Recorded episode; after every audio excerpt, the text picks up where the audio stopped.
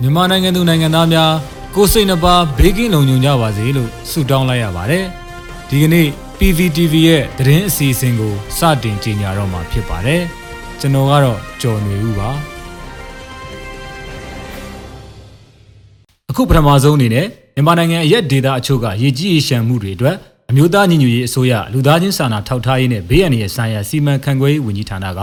လူသားချင်းစာနာထောက်ထားမှုအကူအညီတွေပေးအပ်ခဲ့တဲ့သတင်းကိုတင်ဆက်ပေးမှာဖြစ်ပါတယ်။အမျိုးသားညီညွတ်ရေးအစိုးရလူသားချင်းစာနာထောက်ထားရေးနဲ့ဘေးအန္တရာယ်ဆိုင်ရာစီမံခန့်ခွဲရေးဝန်ကြီးဌာနအနေနဲ့တဘာဝဘေးနဲ့စစ်အာဏာရှင်ဘေးတို့ကိုရင်ဆိုင်နေကြရတဲ့ပြည်သူတွေကိုလူသားချင်းစာနာထောက်ထားမှုအကူအညီများပေးနိုင်မှုအတွက်နိုင်ငံတကာနဲ့ဒေသဆိုင်ရာလူမှုအခြေပြုအဖွဲ့တွေနဲ့ချိတ်ဆက်ပြီးအခက်အခဲတွေကြားကနေကူညီဆောင်ရွက်ပေးလျက်ရှိရာအခုရေကြီးရေရှမ်းမှုတွေဖြစ်ပွားနေတဲ့ကာလမှာလည်းရေဘေးရှောင်မိသားစုဝင်တွေကိုကူညီဆောင်ရွက်ပေးလျက်ရှိတာတွေ့ရပါတယ်။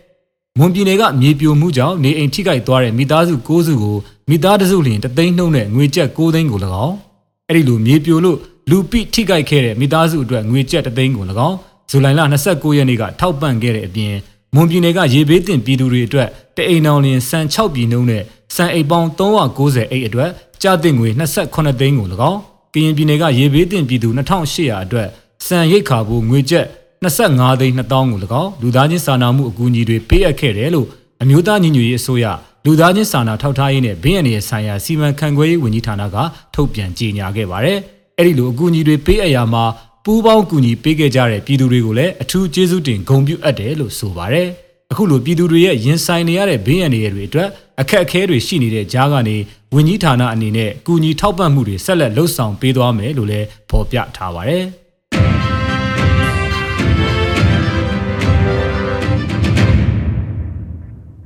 6လကြာအာနာရှင်ကိုကြံ့ကြံ့ခံတော်လန်နေတဲ့မြန်မာပြည်သူလူထုရဲ့စံထားကိုထောက်ခံအားပေးသွားဖို့သူတို့အနေနဲ့တန်ဋိဌံပြုထားတယ်လို့ American တန်ယုံကထုတ်ပြန်ကြေညာလိုက်တဲ့သတင်းကိုဆက်လက်တင်ဆက်ပေးသွားမှာပါ။စစ်အာဏာသိမ်းပြီး6လအတွင်းမြန်မာပြည်သူတွေဟာကြဲကြဲပြန့်ပြန့်အကြမ်းဖက်မှုတရားလက်လွတ်ဖမ်းဆီးမှုစီးပွားရေးမတည်ငြိမ်မှုနဲ့အခုအခါကိုဗစ်ကပ်ရောဂါအကျပ်အတဲကိုအကြီးအကျယ်ရင်ဆိုင်နေရတယ်လို့ဒီနေ့ဩဂတ်စ်လ၁ရက်နေ့ American တန်ယုံထုတ်ပြန်ချက်မှာဖော်ပြထားပါတယ်။ ဖေဖော်ဝါရီလ၁ရက်နေ့မှာနိုင်ငံတော်အတိုင်ပင်ခံပုဂ္ဂိုလ်ဒေါအောင်ဆန်းစုကြည်ဦးဆောင်တဲ့အယက်သားအစိုးရအဖွဲ့ကိုဖမ်းဆီးထိန်းသိမ်းပြီးစစ်တပ်ကအာဏာသိမ်းလိုက်တာဟာဒီကနေ့ဆိုရင်6လပြည့်သွားပါပြီ။ဒါပေမဲ့အခက်အခဲတွေကြားကပြည်သူတွေရဲ့ထူးခြားတဲ့ရဲရင်မှုနဲ့ခိုင်မာတဲ့ခံယူချက်တွေကိုလည်းအထင်ရှားမြင်ရတယ်လို့ဆိုပါတယ်။ပြည်သူလူထုဟာအခြေခံကျတဲ့လူအခွင့်အရေးကိုလည်းဆက်လက်တောင်းဆိုနေကြပါတယ်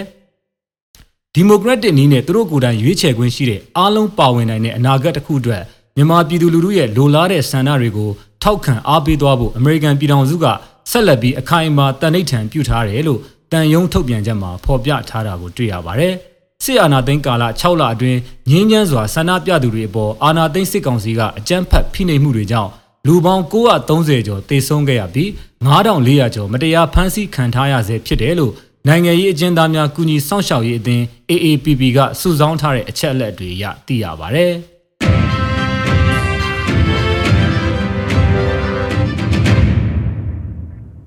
မြန်မာကိုရီးယားပူးပေါင်းပြီးစစ်အာဏာရှင်ကိုတော်လှန်တဲ့လှုပ်ရှားမှုတရက်လှုပ်ကြဖို့စီစဉ်နေကြတဲ့တဲ့ရင်ကိုဆက်လက်တင်ဆက်ပေးမှာဖြစ်ပါတယ်။မြန်မာနိုင်ငံမှာ1988ခုနှစ်8လပိုင်း8ရက်နေ့ကလေးကပေါ်ပေါက်ခဲ့တဲ့ရှစ်လေးလုံးတော်လှန်ရေးရဲ့မပြီးဆုံးသေးတဲ့စစ်အာဏာရှင်စန့်ကျင်တော်လှန်ရေးလှုပ်ရှားမှုတစ်ခုအနေနဲ့မြန်မာနဲ့ကိုရီးယားကနိုင်ငံသားတွေပူးပေါင်းပြီးလှုပ်ရှားမှုတရက်ကိုလှုပ်ဆောင်ဖို့စီစဉ်နေကြတာပါ။ဒီအစီအစဉ်မှာအခုမြန်မာຫນွေဦးတော်လှန်ရေးရဲ့ကဘာကျော်ထင်ရှားတဲ့လှုပ်ရှားမှုတစ်ခုဖြစ်တဲ့ အာနာရှင်မိစ္ဆာဇိုးတွေကိုတန်မုံတီမောင်းထုတ်ခဲ့ကြသလိုအတန်မြည်တဲ့ပစ္စည်းတစ်ခုခုကိုထုရိုက်နေတဲ့ရုပ်တံဖိုင်တွေရိုက်ပေးရမှာဖြစ်ပါတယ်။အဲ့ဒီလိုရုပ်တံဖိုင်တွေကို SNS, Facebook, Instagram, Twitter နဲ့ YouTube platform တွေမှာ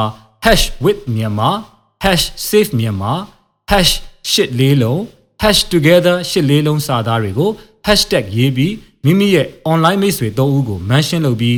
SNS လူမှုကွန်ရက်စာမျက်နှာမှာတင်ပေးရမှာဖြစ်ပါတယ်။ မြန်မာနိုင်ငံမှာ2021ဖေဖော်ဝါရီလကမင်းအောင်လှိုင်ခေါင်းဆောင်တဲ့စစ်အာဏာသိမ်းမှုကြောင့်နိုင်ငံရဲ့နေရာအနှံ့မှပြည်သူတွေကငြင်းချမ်းစွာစန့်ကျင်ဆန္ဒပြခဲ့ကြပြီးအဲ့ဒီလိုငြင်းချမ်းစွာဆန္ဒပြသူတွေကိုစစ်တပ်ကအကြမ်းဖက်နှိမ်နင်းမှုကြောင့်ပြည်သူတထောင်နီးပါးကြဆုံးခဲ့ရပါတယ်။အဲ့ဒီလိုအကြမ်းဖက်ဖြိုခွဲမှုတွေရှိနေတဲ့တိုင်အောင်မြို့ပြတောရွာအချင်းထောင်အစရှိတဲ့နေရာအနှံ့မှာတော်လန်ရေးတိုက်ပွဲတွေဆက်လက်ဆင်နွှဲနေဆဲဖြစ်ကြတဲ့အတွက် မြန်မာနိုင်ငံသူနိုင်ငံသားတွေနဲ့အတူကိုရီးယားကပြည်သူပြည်သားတွေလည်းအတူတကွရက်တီပြီးစစ်အာဏာရှင်ကိုစန့်ကျင်ကြောင်းပြသတဲ့အနေနဲ့အခုလိုလှုပ်ရှားမှုကိုပူးပေါင်းဆောင်ရွက်ခဲ့ကြတာဖြစ်တယ်လို့သိရပါဗျ။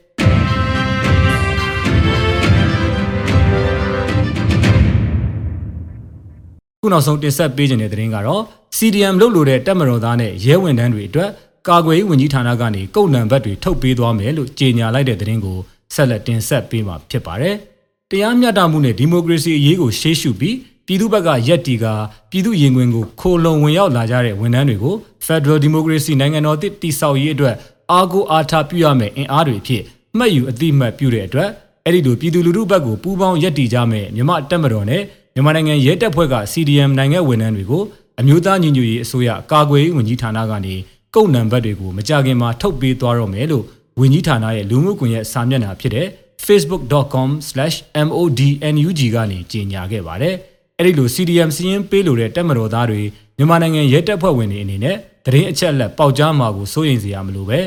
t.me/myanmarpeople.telegram ကနေတဆင့်ဆက်သွယ်စီးရင်ပေးနိုင်တယ်လို့ထည့်သွင်းရေးသားထားတာကိုတွေ့ရပါတယ်ခင်ဗျာ။ Yeah, oh, oh, oh, yeah, me. Yeah, oh, oh, oh, yeah, me.